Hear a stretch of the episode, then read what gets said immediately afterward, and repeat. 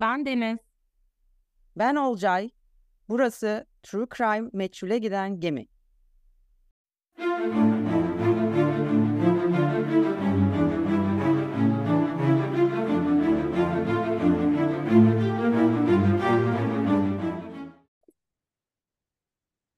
Merhabalar, merhabalar. Nasılsınız? Nasılsın Olcay? Merhaba, iyiyim. Sen nasılsın enerjik çocuk? İyiyim yine heyecanlandım çünkü biz sanırım iki haftadır falan kayıt almıyoruz. O yüzden böyle ara verince bir aşırı heyecanlanıyorum ve en başa dönüyorum. Yapabilecek miyiz bu işi falan diye Evet. güvensizliklerim geliyor. Acaba kayıt alabilecekler mi? Acaba biz kaçıncı bölümdeyiz ya? Biri görev veriyorum. Sevgili dinleyicilerimiz biri bizim totalde gerçekten ama yani bizim atmasyon hesabımızla değil. Gerçekten kaç bölüm yaptığımızı yazar mı ya? Çok ben çok merak ediyorum. Ya tahmini 130 gibi bir şey olabilir bu arada. Öyle bir şey muhtemelen. Aa, Olmuş bakalım. mudur 130 ya? Olmuştur Daha olmuştur. geçmiştir bence. Daha fazla olmuş olabilir. Bir şey söyleyeceğim. Eski bölümlerin bazılarını unuttum. Sen? Ben de unuttum canım. Hatta böyle bazı öneri geliyor ya böyle şey diyorum biz bunu yapmış mıydık acaba falan diyorum. Demin aynısı oldu. Bir dinleyicimiz yazmış işte bir olayla ilgili işte kız kardeşi de Mora'yı Mora, Mora Murray bölümüyle ilgili hı. işte arıyormuş falan. Çok da tanıdık geliyor. Ha, acaba belgeselini mi izledim falan. Aa biz bunu yapmadık galiba. Bakayım falan. Yok yok yaptınız dedi böyle. Baktım yapmışız bir sene olmuş. Yo, yaptınız. Yo gayet de yaptınız. Geçen bir de şey Burari bölümüyle ilgili biri Burari bölümünü önerdi. Bunu mutlaka yapın diye. Yok dedim yaptık onu. Çok net hatırlıyorum yani. Bayağı Evet. araştırmıştık işte böyle. İşte yok yapmadınız dedi. Yaptık ya Deep yok. Yaptık. Be. Allah Allah. Sen nasılsın? Nasıl gidiyor? Ben de iyiyim. Nasıl olayım? Ben işte yine sen yokken deniz kaptanınız biraz Fransa'ya şöyle bir gitti geldi. Havalası 1500 olduğu için kendisinin. Şöyle bir bordo yaptı bu ara. O yokken ben tabii karalar bağlayıp hemen hasta oldum yine. Evet. Gerçekten abartmıyorum sürekli hasta olduğumu söylerken. Hasta oluyorum. Hatta bir arkadaşım bana böyle bir C vitamini kolisi göndermiş. Yazık ya. Ya beslenmiyor diye bana porta- Tatlı. portakallı falan bir şeyler göndermiş. Ya böyle baktım. Ay canım benim yani. Çok tatlı bir davranış bu arada. İyi geldi mi? Vitaminli gözüküyorsun biraz. Yemedim daha. Yani yiyeceğim inşallah bir ara.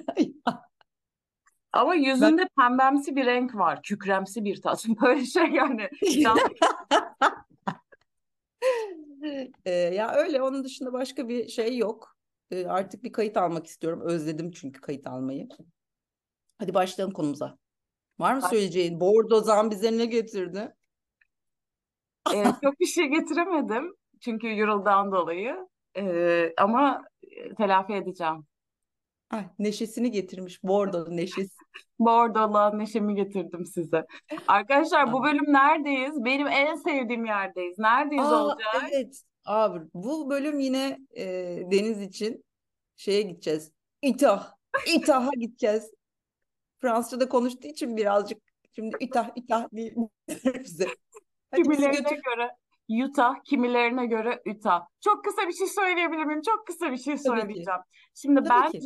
Fransızca'da, bu arada e, The Voice programına teşekkür ediyorum. Yıllarca ilerlemeyen Fransızcamı ilerlettiği için. Bu sefer Fransa'ya gittiğimde gerçekten konuştum. Çok da iyi konuştum. Arada anlamadığım şeyler oldu. Onları da sordum. Ne demek istediniz burada falan diye.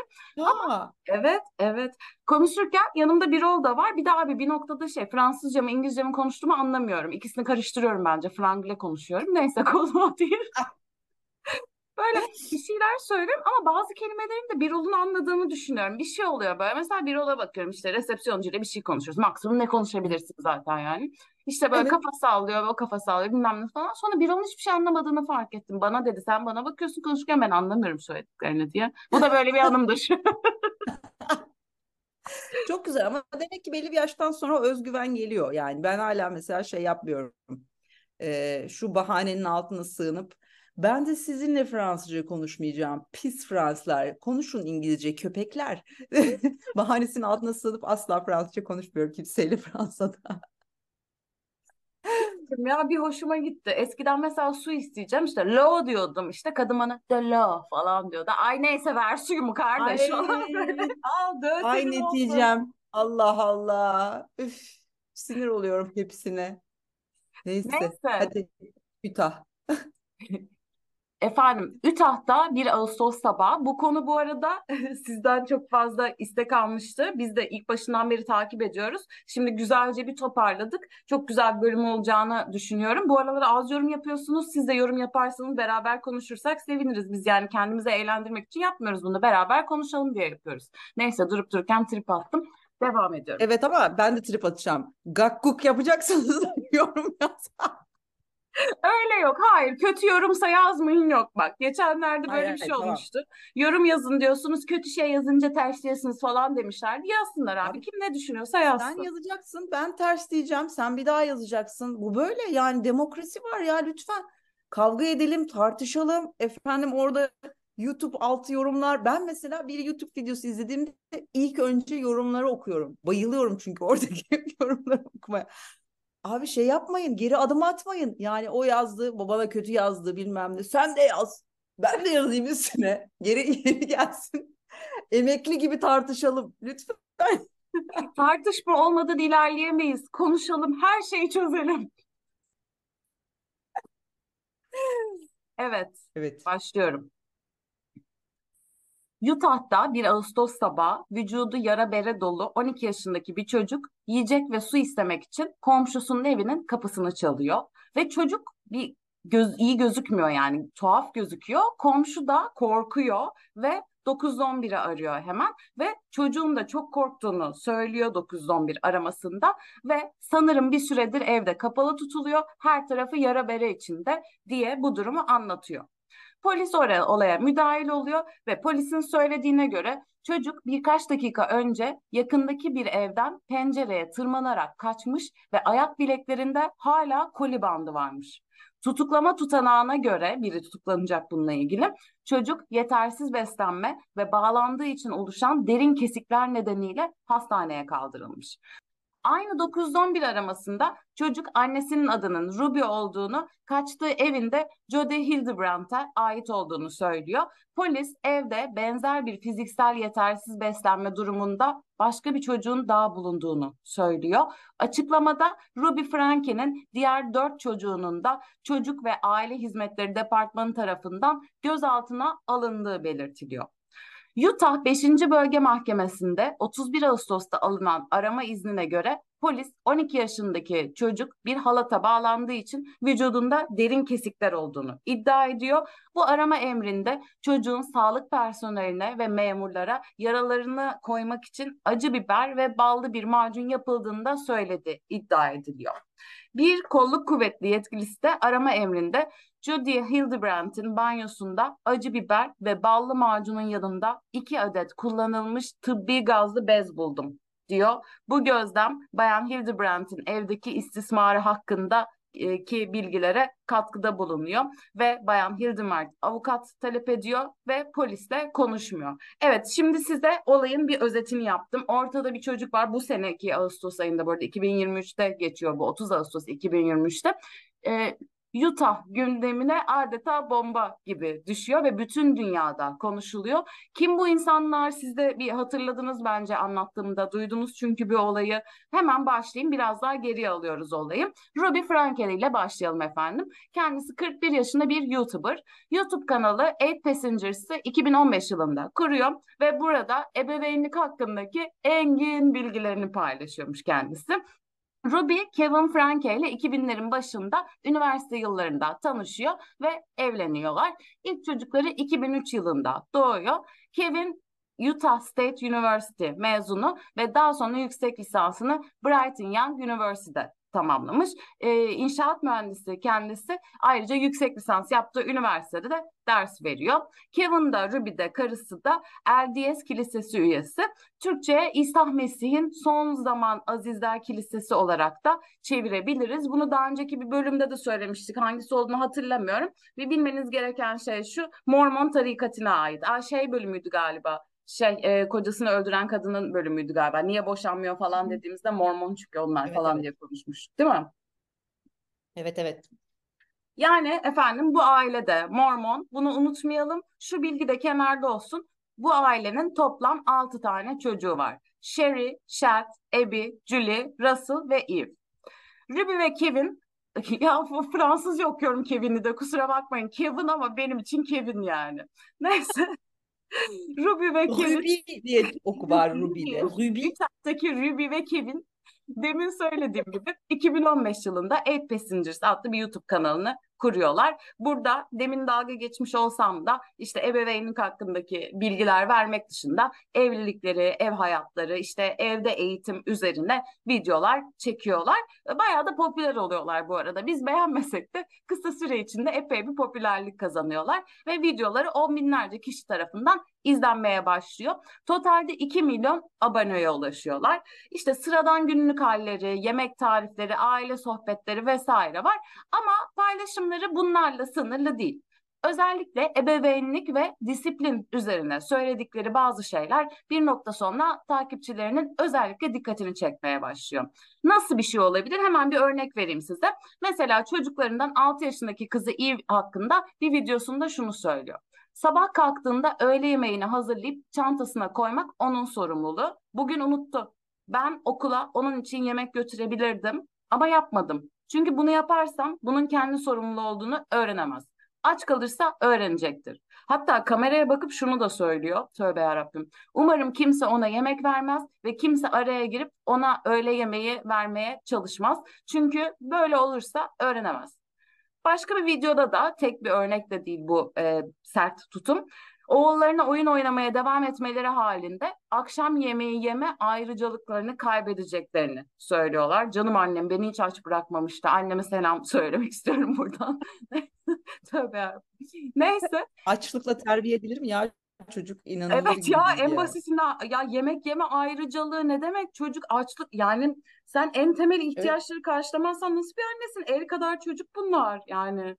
Düşünsene benim Robin'e yemek vermeyip e, benim bir herhalde kellemi alır ya Robin. Yani yemek vermez. İnanılmaz Saçma şey. sapan yani.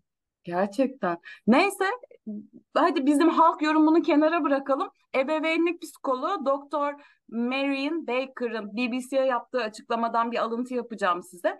Kendilerini kaybolmuş ve çaresiz hisseden ebeveynler için özellikle sorunlu davranışlarla başa çıkmak söz konusu olduğunda aşırı teknikler daha cazip geliyor diyor.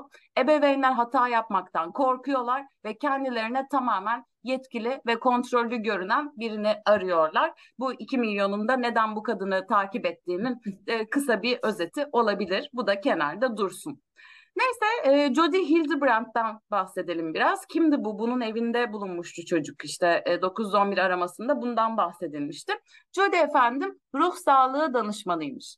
Kendi web sitesinde yazana göre de kendisi yazar ve yaşam koçu. Aynı zamanda onun da bir YouTube kanalı var. Connections isminde bu kanalın adı. O da işte kendince ebeveynlik konusunda deneyimlerini aktarıyor. İşte şöyle yapmalısınız, böyle yapmalısınız falan. Ve bir konuda Ruby Jodie'ye katılıyor. Ruby'nin sitesinde de Connection'a içerik üretti ve bu oluşumda sertifikalı zihinsel zindelik eğitmeni olarak görev aldığı yazıyor. Şimdi ben bu konulardan çok anlamam. Özellikle e, Olcay bir yayın evinin çocuk yayın evinin yayın yönetmeni. Çocuğu var bence harika bir çocuk yetiştiricisi. Çocuk yetiştiricisi harika çocuk bir anne bence. ya genel olarak çocuk yetiştirmeyi biliyorsun işte. Sence? Ay teşekkür ederim efendim. Onore oldum. Evet evet. Sence bu sertifika olayları falan nedir? Yani bu eğitmenler nasıl eğitmen oluyor? E, sertifika alınca eğitmen olunur mu? Biraz bundan bahsedelim mi? Bilmiyorum. Ben e, son dönemde özellikle son 5 yılda böyle bir sertifikalı insan popülasyonunda artış var. Sertifikalı yoga eğitmeni, sertifikalı zihinsel vıttırı vıttırı eğitmeni. Yani sertifika bir tane kağıt parçası. O sertifikayla yapılan sadece o sertifikadan bahsediyorum ama yapılan herhangi bir e, işe yani 20 gram saygınlığım yok benim abi. Yani bir diploman olacak doğru düzgün bir üniversiteden e, ve onun üzerine tabii ki eğitimle kendini geliştirebilirsin edebilirsin ama yani sertifikalı aile danışmanı vıdı vıdısın ya daha kendi ailesine hayır yok gelmiş karşımda ahkam kesecek şunu şöyle yap bunu söyle hadi be Sen kimsin abi? Ya da işte bilmem ne enerjisiyle şöyle geldi bana atıyorum işte IBAN göndereyim 700 lira gönder bana ben sana enerji fıtı fıtısı göster. Gerçekten bunlar çok şey ve bunların da böyle e, bu son dönemin e, ne diyeyim işte o bir şey açlığı var toplumda. İşte hani bu BBC'ye röportaj veren e, bu psikoloğun söylediği gibi yani o bir şeyle mücadele edemiyor ve en kendini e, bilge gösteren kişiye inanma açlığı hissediyor. Hani biraz böyle Türkiye'nin genel yapısıyla da aslında şey yani ne kadar çok bağırırsan o kadar çok haklısın ya ülkede de. Evet. Ne kadar çok kendini pazarlarsan işte gerek Instagram'da gerek YouTube'da böyle insan açıp şey diyor. Aa bu diyor herhalde biliyor bu işi. Abi bir tane dandirik kağıt parçasına biri yazmış ki işte şu şu şu eğitimden işte geçme. Bana ne ya? Para verip almışsın yani. Dolayısıyla bu e, yaşam koçluğu zırvalarına inanmayın arkadaşlar. yaşam koçları beni şu anda şey yapıyor. E, ağladı yaşam koçları. Ya şöyle yaşam koçluğu diye bir şey olabilir bence. Sen de öyle düşünüyorsun. Yanlış anlaşılmaya meyil vermiyorum. Öyle düşünüyorsun. Ama biz şey, abuk subuk sertifikalar... Savundun. Abdülhamid'i savundun. Savunmadım. Sen de inanıyorsun. Ya ben bir şeyin bilimsel olarak altyapısının olması gerekliliğine inanıyorum. Bana gelip de işte e, ben şu şu şu liseden mezunum ve terkim ama kendimi geliştirdim. İşte şöyle yaşam koçum. Hayır abi. Sen bu bilimin neresinde ne kadar bir eğitim aldın? Bana onu kanıtla ki benden daha üstte olmalısın ki benim yaşamımı programlayabilmelisin. Yani bu işte ya ya çok üzgünüm hani kimseyi aşağı görmek ya da şey yapmak değil ama X üniversitesinin işletme bölümünü açık öğretimde bitirip gelip benim karşıma işte e, işte benim 8 milyon takipçim var ben yaşam koçuyum artık dediğin an ben benim için bir saygınlığı yok bunun. Bu benim için ama ya bu benim e, bir, bir şey e, akil insan olmadığım için ben sadece böyle düşünüyorum. Herkes de böyle düşünmek zorunda değil elbette. Bunların büyük bir dolandırıcılık e, işi olduğunu düşünüyorum. Zaten hani son zamanlarda gö gördüğümüz pek çok gelişmede aslında sosyal medya balonunun çok büyük bir şekilde patladığını da gösteriyor. E, ha bu bizde patlayanlar insanların kesesine zarar veriyordu. Ama birçok insan da bu vakada olduğu gibi yani Ruby Franke vakasında olduğu gibi insanların zihinlerini de e, yönlendiriyor ve yönetiyor. İşte o bence daha tehlikeli. Çünkü zih, zihin manipülasyonu e, para dolandırıcılığından daha kötü bir suç bence.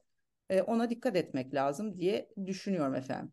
Yok yok kesinlikle. Engin bilgilerimi sizlerle paylaştım. Tabii ki paylaşacaksın. Senin podcast'in burası olmuyor. Tabii ki biz konuşacağız. Yüzde yüz katılıyorum bu arada. Neyse devam ediyorum.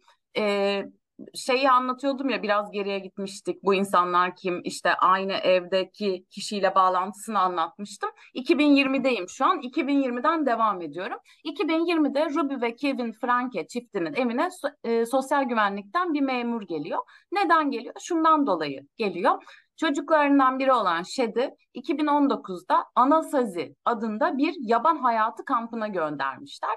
Bu kampta 12-17 yaş arası çeşitli sorunlarla mücadele eden ergenlere yönelik bir davranış programı e, yeriymiş, kampıymış, okuluymuş. Nasıl sorunlara sahip çocuklar geliyor? İşte depresyon, anksiyete, öz imaj sorunları, meydan okuma, aile çatışması, akıl sağlığı, motivasyon eksikliği, uyuşturucu ve alkol bağımlılığı gibi gibi işte tırnak içinde kendisine zarar veren davranışları e, olan çocuklar. Yani şey klasik ergenlik aslında yani anlat söylediğim şeyler uyuşturucu alkol bağımlılığı dışında bayağı ergenliğin normal sorunları olan çocukları gönderiyorlarmış buraya. Ve şeye de bu çocuklarından birinde bu kampa gönderilmesini öneren kişi de danışmanlık yapan, kendisine danışmanlık yapan demin söylediğim Jodie Hildebrand adındaki kadın. Çocuk bu kampta neredeyse 10 hafta geçiriyor e, ama belli ki dersini almıyor. Çünkü eve döndükten bir ay sonra küçük kardeşi Russell'a bir eşek şakası yapıyor. Ve bunun üzerine 10 hafta boyunca garip bir vahşi doğa kampında yerde uyumak zorunda kaldıktan sonra 6 aydan daha fazla bir sürede oturma odasında küçük pufun üstünde uyumak zorunda kalıyor. Yani çocuğu hem yolluyor hem bu şey e, vahşi doğa kampında yaşıyor Sonra geliyor işte kardeşine aptalca bir şaka yapıyor çünkü o bir çocuk yani. Sonra da küçük pufta e, cezası devam ediyor. Orada uyuyor yani gerçekten çok çok acayip. Ve e, Ruby ve Kevin şunu söylüyorlar işte e, bu yere gönderdikleri çocuklarını buraya göndermeleri ve yatağını elinden aldıkları için şunu söylüyorlar. Dayanıklılık ve cesaret geliştirmek için zorluklarla ve acılarla yüzleşmemiz gerekir. Hayatta başarıya götüren şey budur. Eğer çocuklarımızın işini her zaman kolaylaştırırsak büyüyünce kar tanesi gibi olurlar. Enteresan. Abi yatağını elinden alamazsın gelişmekte olan bir çocuğun. Yerde ya da işte pufun üstüne yatmasını söyleyemezsin ya. Bu zora alıştırmak değil. Anneme bana hep yatak verdiği için de buradan teşekkür ediyorum. Allah razı olsun ya anamızdan babamızdan gerçekten. Sağ olun gerçekten. Hiç beni evden atmadılar. Çok şükür ya yani Neyse. baksana abi neler var ya 2023'te. Ben herhalde bir kar tanesiyim. O zaman kar tanesi olarak anlatmaya devam ediyorum. Bu demin Lütfen. söylediğim cümleleri bir videoda söylüyorlar bu arada YouTube Evet kanallarında. evet. Evet, başka bir videoda da Ruby şey yapıyor. Elinde makas tutarken çocuğunu e, tehdit ediyor. Yani bu olay Ruby'nin ebeveynlik tarzı ve bunun çocuklarının refahı üzerindeki e- e, etkisi hakkında artık e, endişelerin iyice artmasına neden oluyor. Bu elinde makas tuttuğu videoda da kızına şunları söylüyor. Başka bir şey kesecek misin? Ruby elinde ayıyla ilk konuşmaya başladığında kıkırdamalar var aslında, gülüşüyorlar. Ama ya elinde ayı ve e, makas var. Ruby kızı için çok değerli bir oyuncak olduğu belli olan bu hayvanın kafasını kesmekle tehdit ediyor ve çocuk ağlamaya başlıyor tabii ki. Yani aslında Ruby'nin çocuklarıyla çektiği ve Chad'ın diğer oğlunun kampa yolladıkları çocuğun pufta uyuma meselesini tartıştıkları video öyle kavgayla falan dolu değil. Zaten öyle olsa herhalde YouTube izin vermez. Bilmiyorum tehdit yani bir şey olur. Yani orada Tabii. çocuklar gayet kıkırdıyor. Anne sakin sakin olayı anlatıyor. Ama yani ortada rahatsız edici bir kabulleniş var abi. Çocuklar da bunu kabullenmiş ve artık izleyiciler bu noktada devreye girip Change.org'da imza kampası, kampanyası düzenliyorlar ve bu eve, Frankelerin evine çocuk koruma hizmetlerinin gelmesini talep ediyorlar haklı olarak. Ee, peki Franke ne diyor? Yani aile ne de- e, diyor bu olayla ilgili?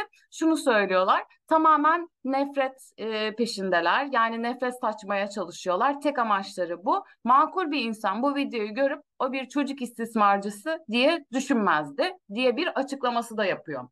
Neyse ben olayı anlatmaya devam ediyorum. Ee, koruma hizmetlerinin ziyareti oluyor. 2020'de geliyorlar. Child Protection Service CPS olarak devam edeceğim bundan bahsederken. Frankie'nin Utah'taki evini ziyaret ederken çeşitli istismar ve ihmal şikayetlerine yanıt veriyor anne. Ama yani hiçbir resmi suçlamada da bulunulmuyor. Ruby'ye göre CPS memurları evinde bulunduktan ve çocuklarıyla etkileşimi gördük etkileşimini gördükten sonra onun ebeveynlik becerilerinden o kadar etkileniyorlar ki iddiaya göre ayrılmadan önce ondan bazı ebeveynlik ipuçları istiyorlar. Ve şey diyormuş işte bu gelen memur da eve gidip işte ben kendi ebeveynliğimde de bazı değişiklikler yapacağım diyormuş. Yani narsizm de bayağı tepelerde yani. Tepe tepe ya çok kötü. Ya bence bu bir noktada bu sosyal medya ünlülerinde bir noktada şey oluyor.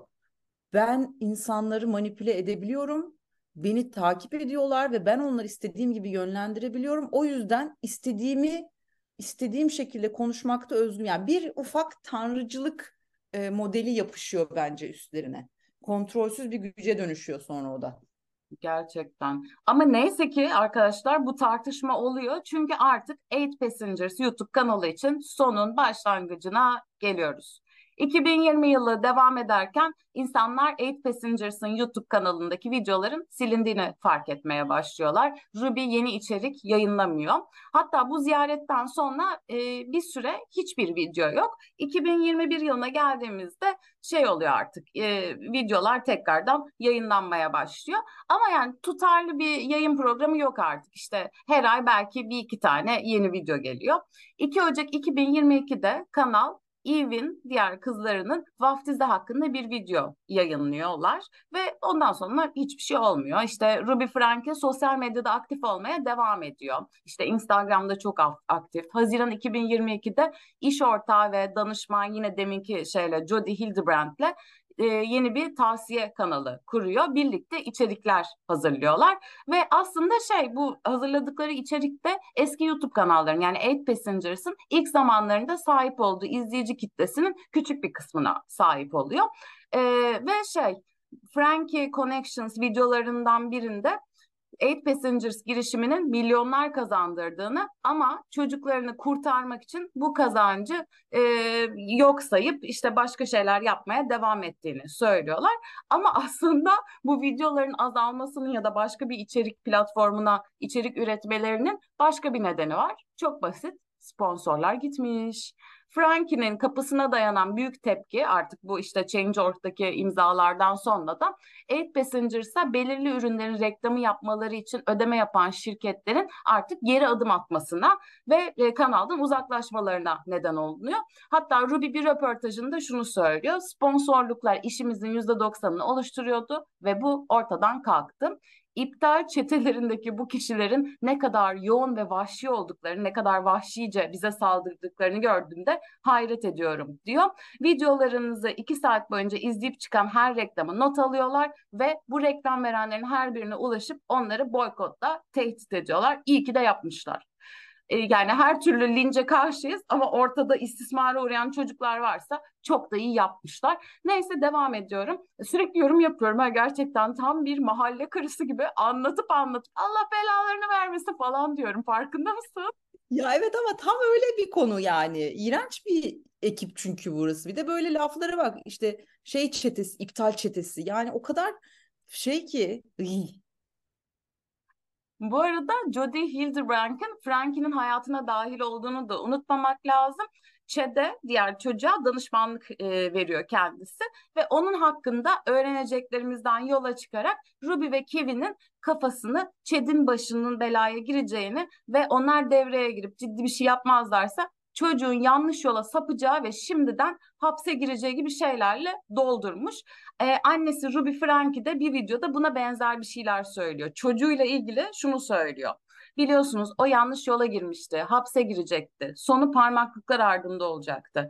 Yani bir noktada bu aile tamam e, hiç normal insanlar değil ama bu Hildebrand'ın da bayağı bir etkisi altına girmiş gibi görüyorlar. Yani o tamam sen influencer'sın ama ya senden büyük Allah var gibi bu da onu manipüle ediyor. Bu kendi takipçilerini manipüle ediyor. Jodie Hildebrand de bunları manipüle ediyor. Gerçekten enteresan. Neyse devam ediyorum. İkilinin paylaştığı Moms of Truth adlı Instagram hesabındaki son gönderiler ebeveynlik konusunda rehberlik sunarak takipçilerini gerçekliğin acısı ve rahatsızlığından uzaklaştırmak için başa çıkma stratejilerinden kaçınmaya çağırıyor.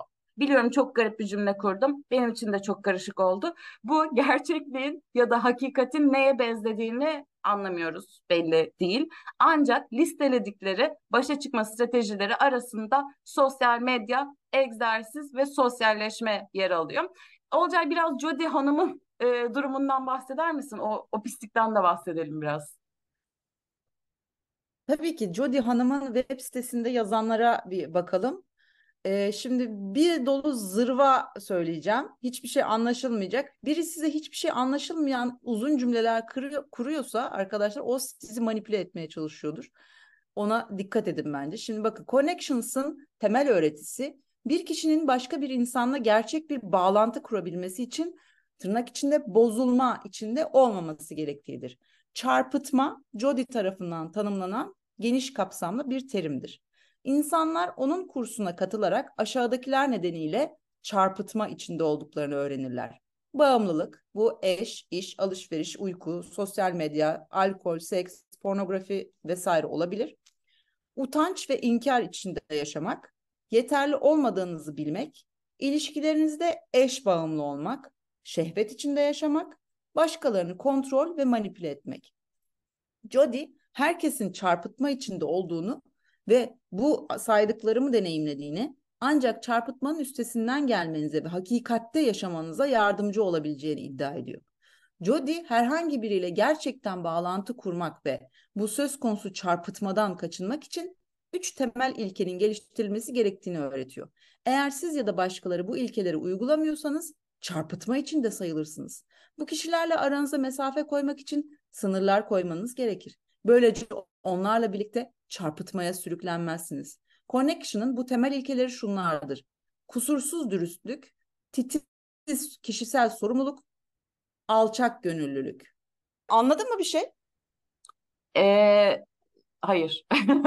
Alçak gönüllülüğü anladım ama yok anlamıyorum. Çok saçma bence. İşte bu Jody senin beynini yıkamaya çalışıyor. Böyle saçma sapan kelimeleri sıralayarak.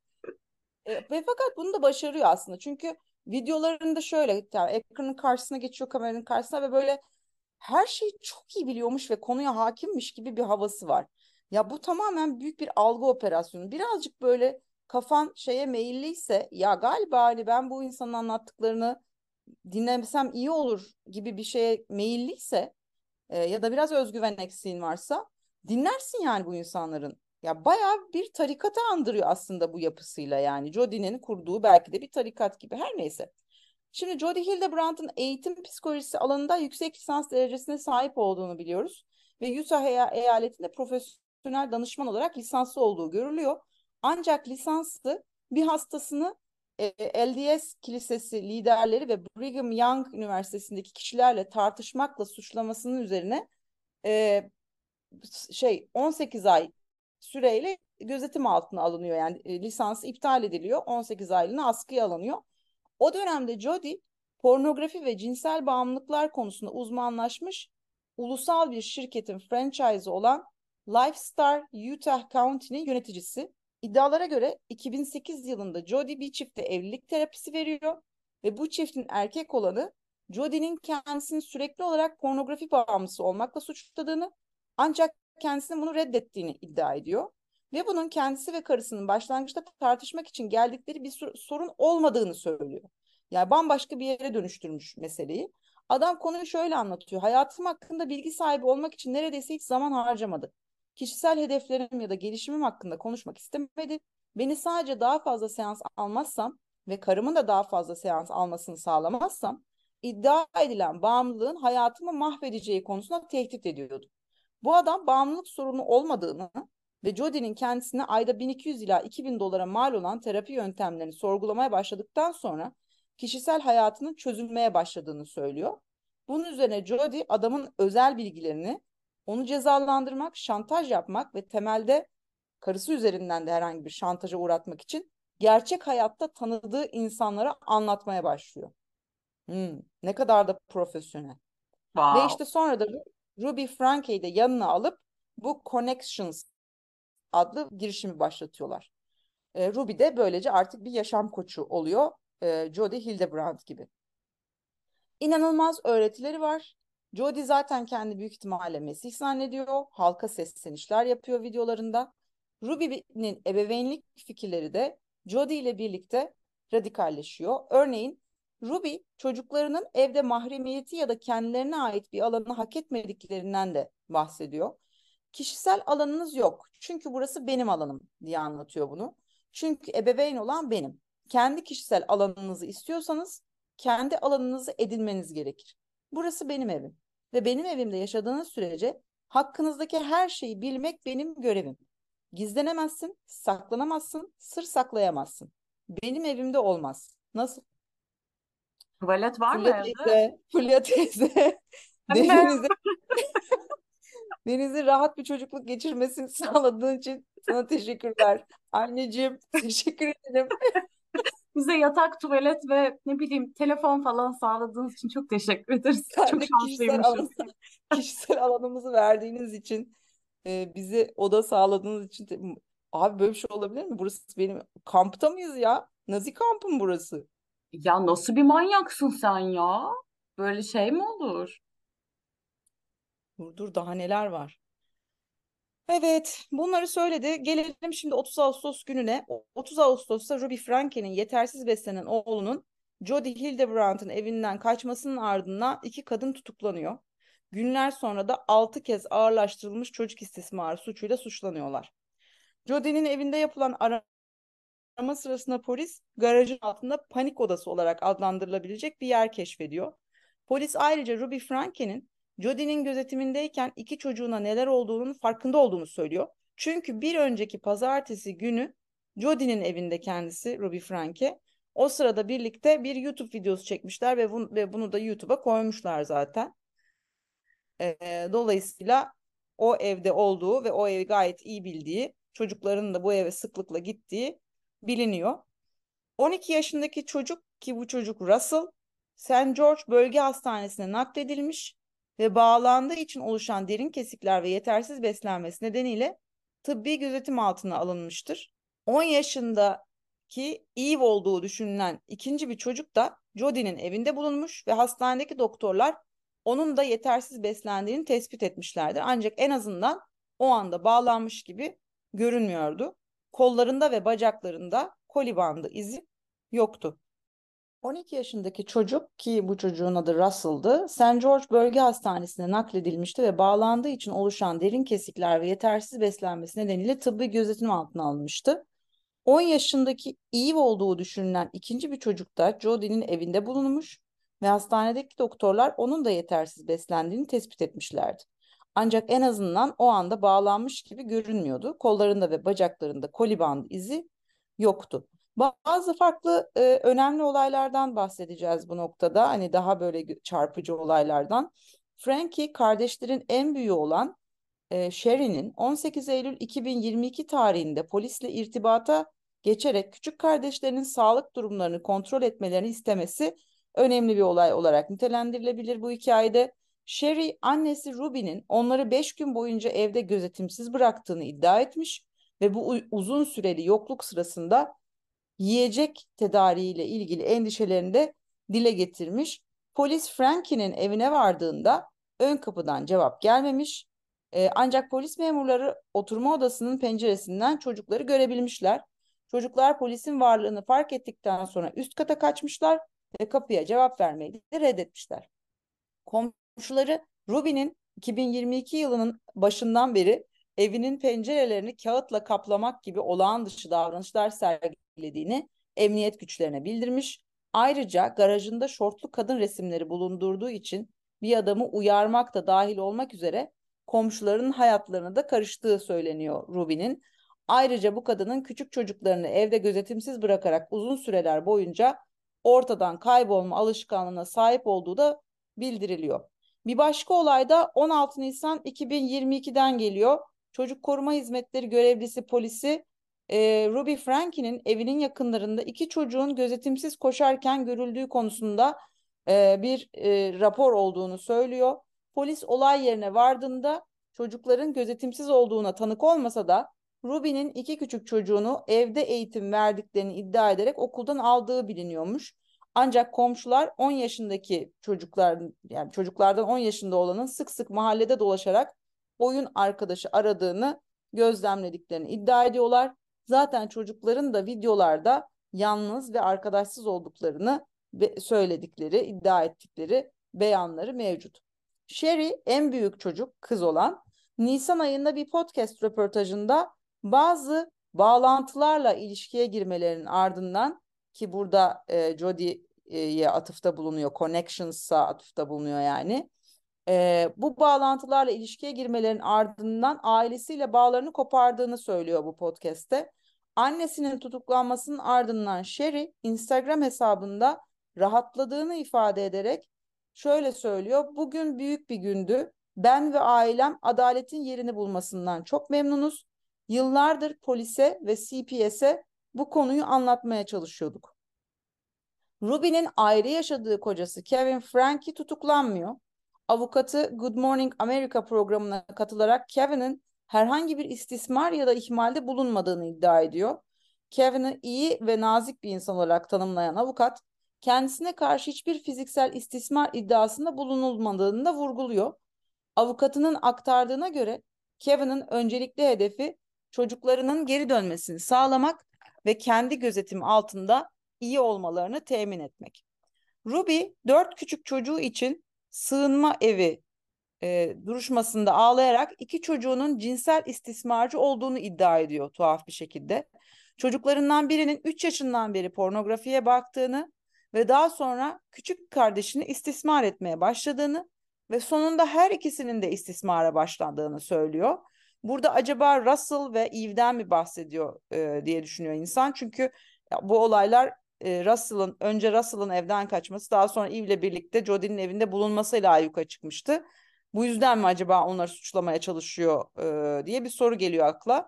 Bu şeyleri yaptıkları için Jodie ile birlikte onları koli bantıyla bağlamak ve aç bırakmak zorunda kaldıklarını söylemeye mi çalışıyor acaba? Ve bir anne nasıl olur da böyle bir beyanda bulunur? İnsan anlamakta güçlük çekiyor doğrusu. Ruby oğlunun Mayıs ayında kendisine 20 kişi istismar ettiğini itiraf ettiğini, bunlardan bazılarının komşuları, kuzenleri, aile üyeleri vesaire olduğunu iddia etmiş ve daha sonra mahkeme salonunda oturan bir avukatın ayağa kalkarak hakimden annesi de mahkeme salonunda bulunan bir çocuğun istismarına ilişkin ayrıntıları dinlemesini istediğini ancak hakimin bu talebi reddettiğini e, belirtmiş burada. E, Jody Hildebrand'ın yeğeni ortaya çıkıyor bu arada ve Ruby'nin çocukları hakkında söylediklerine inanmadığını çünkü teyzesi Jody'nin ellerinde ömür boyu istismara uğradığını ve ayrıca sürekli işkenceden kurtulmak için hikayeler uydurmaya ve yaptığı şeyler yapmadığı şeyleri daha doğrusu itiraf etmeye zorlandığını iddia ediyor. Evet ben onun bakımına bırak, bırakıldığında bir yıldan biraz daha az bir süre e, oraya bırakıldığımda ergenlik çağındaydım. Ve e, kendisine Ruby ile tanışıp tanışmadığını soruyorlar bu yeğene. Hayır hiçbir zaman Ruby ile tanışmadım. İlk kez duyuyorum.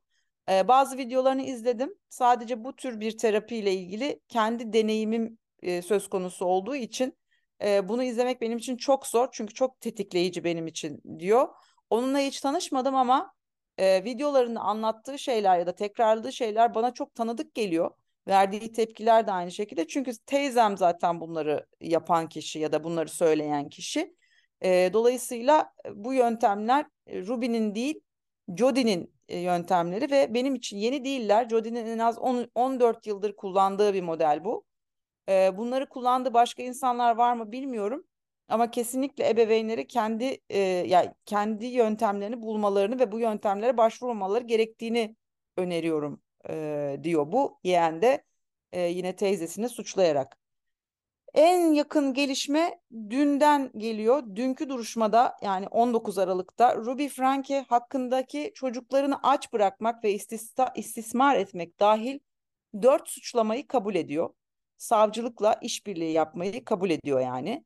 Ve e, şey hakimle karşılıklı konuşmasında ailesi ve çocukları adına büyük pişmanlık ve üzüntü duyduğunu söyleyen Franke ağır cezalar tavsiye edilen YouTube kanalındaki ortağı Jody Hildebrand suçlaması, suçlayıp suçlayarak da dikkat çekiyor.